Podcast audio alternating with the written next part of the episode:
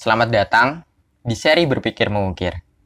Sebuah seri yang mencoba mengajakmu berpikir, karena dengan berpikir, kita dapat mengukir suatu. Apa pun itu. Pada episode ketiga ini, kita akan membahas soal sertifikasi pranikah. Pentingkah sertifikasi pranikah?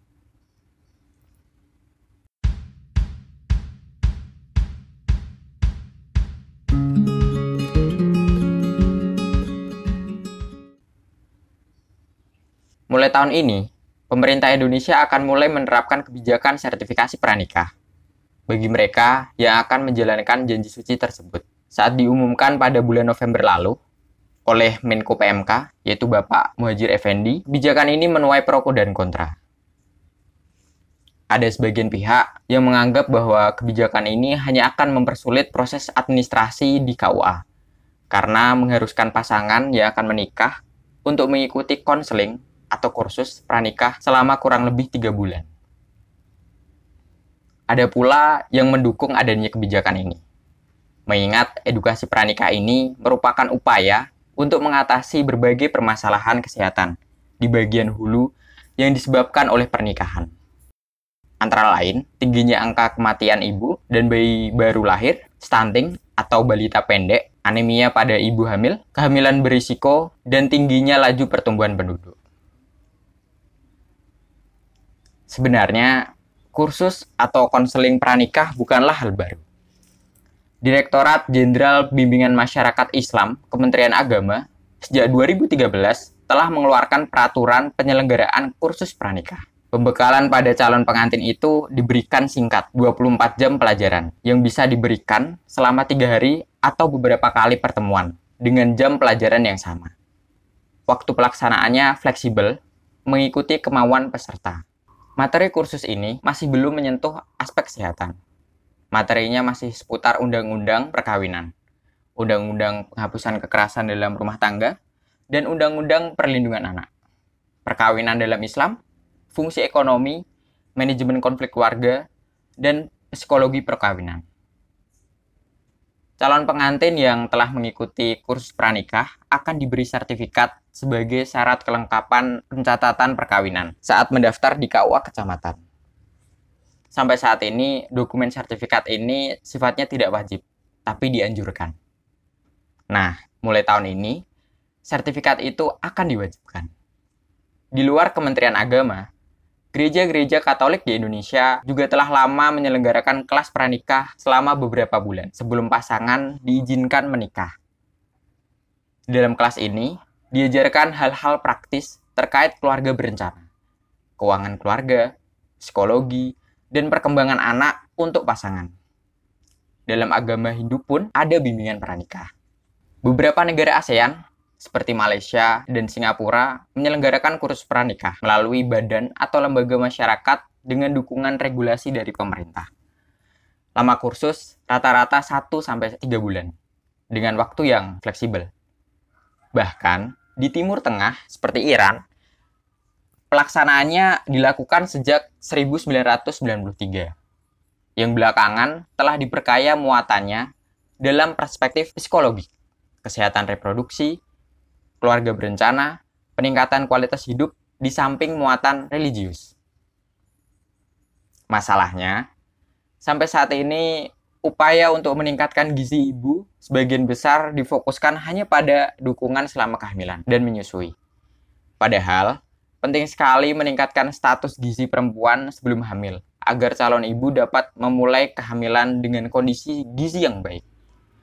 Pasca persalinan, seringnya para ibu dan keluarga tidak memperhatikan asupan gizi ibu pasca melahirkan dan lebih fokus memperhatikan bayi yang baru lahir. Sebagai dokter kandungan, saya kerap menghadapi para calon ibu tidak mempunyai pengetahuan yang cukup tentang bagaimana asupan makanan yang seimbang dan beragam. Mereka tidak memahami berapa banyak peningkatan berat badan selama kehamilan kekeliruan pemahaman akibat mitos-mitos tentang larangan makanan tertentu yang harus dibatasi selama kehamilan dan menyusui. Dan minimnya kewaspadaan terhadap risiko-risiko penyakit selama kehamilan. Ditambah lagi sarana untuk mendapatkan informasi yang benar belum sepenuhnya setara pada setiap daerah.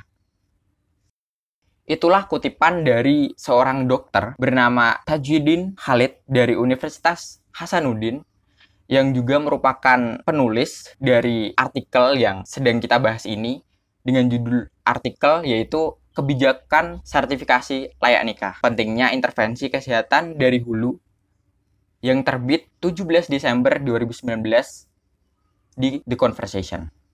Penulis artikel ini merupakan dokter kandungan di Makassar ya. Hmm.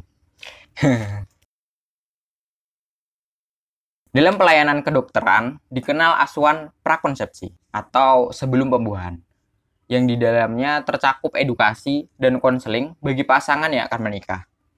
Asuhan prakonsepsi adalah layanan biomedis. Jadi biomedis menurut KBBI adalah metode pengobatan yang memanfaatkan penerapan metode biologis tubuh. Kemudian ada intervensi kesehatan perilaku dan sosial untuk perempuan dan pasangannya sebelum terjadi konsepsi atau pembuahan. Asuhan ini bertujuan untuk meningkatkan kondisi kesehatan mereka, mengurangi perilaku individu, dan faktor lingkungan yang dapat berkontribusi terhadap buruknya kesehatan ibu dan anak. Asuhan prakonsepsi untuk mempersiapkan perempuan dalam menjalani kehamilan dan persalinan yang sehat dan selamat serta memperoleh bayi yang sehat. Cukup banyak bukti penelitian yang melaporkan manfaat asuhan prakonsepsi ini terhadap kesehatan ibu maupun anak seperti menurunkan angka kematian ibu dan anak, mencegah kehamilan yang tidak diinginkan, mencegah komplikasi selama kehamilan dan persalinan, mencegah stunting atau balita pendek, dan resiko lainnya terkait kehamilan. Intervensi-intervensi yang dilakukan dalam asuhan prakonsepsi tidak terbatas pada edukasi, tetapi juga pemeriksaan kesehatan untuk mendeteksi atau screening penyakit-penyakit yang berpotensi akan mengganggu kehamilan atau kesehatan pasangan. Upaya penyelesaian masalah kesehatan ibu melalui perbaikan akses kualitas pelayanan kesehatan, perbaikan gizi melalui pemberian makanan tambahan pada ibu hamil dan balita merupakan upaya-upaya yang dilakukan di hilir Sementara akar masalah adalah kondisi ibu sebelum hamil sudah kurang gizi. Berbagai intervensi yang telah dilakukan oleh pemerintah selama beberapa dekade tampaknya belum banyak memberi hasil yang signifikan.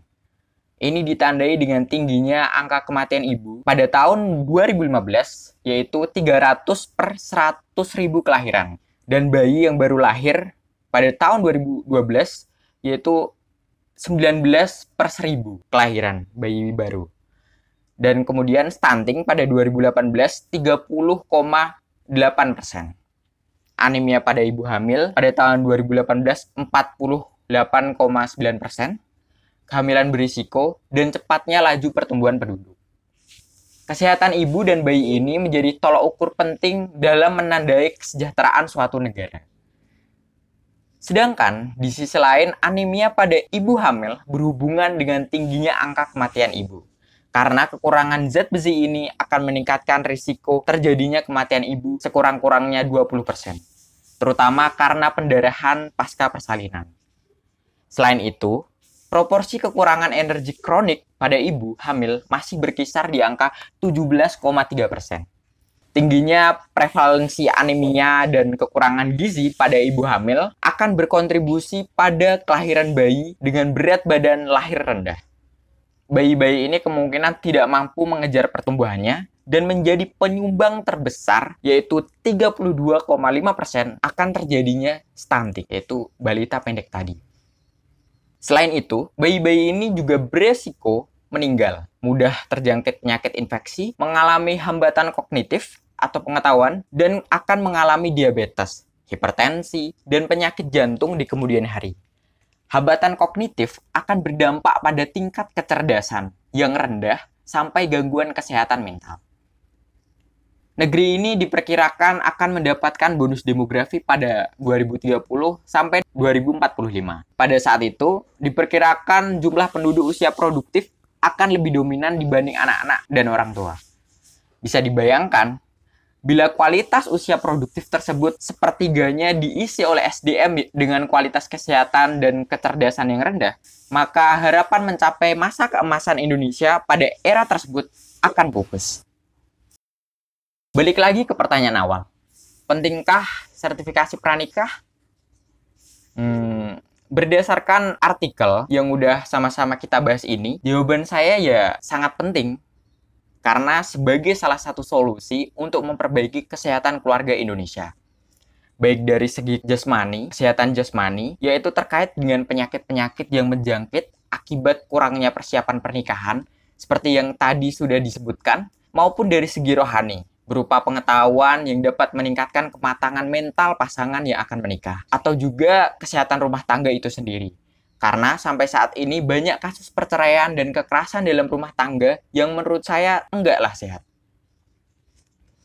Hal lain yang menurut saya perlu digarisbawahi adalah lama durasi kursus tersebut. Sebenarnya ini penting dan nggak penting, tapi saya pengen menyampaikannya. Menurut saya, durasi tiga bulan tersebut relatif lama dan dapat menimbulkan adanya risiko tikung menikung sebelum pernikahan. Iya, tikung menikung. Karena waktu tiga bulan menurut saya adalah waktu yang cukup untuk melakukan pendekatan. Baik itu ke cowok ataupun ke cewek. Takutnya nih, terjadi tikung menikung di tikungan terakhir. Bagi saya, salah satu patah hati yang amat besar adalah ketika seseorang itu ditinggalkan di saat akan menikah.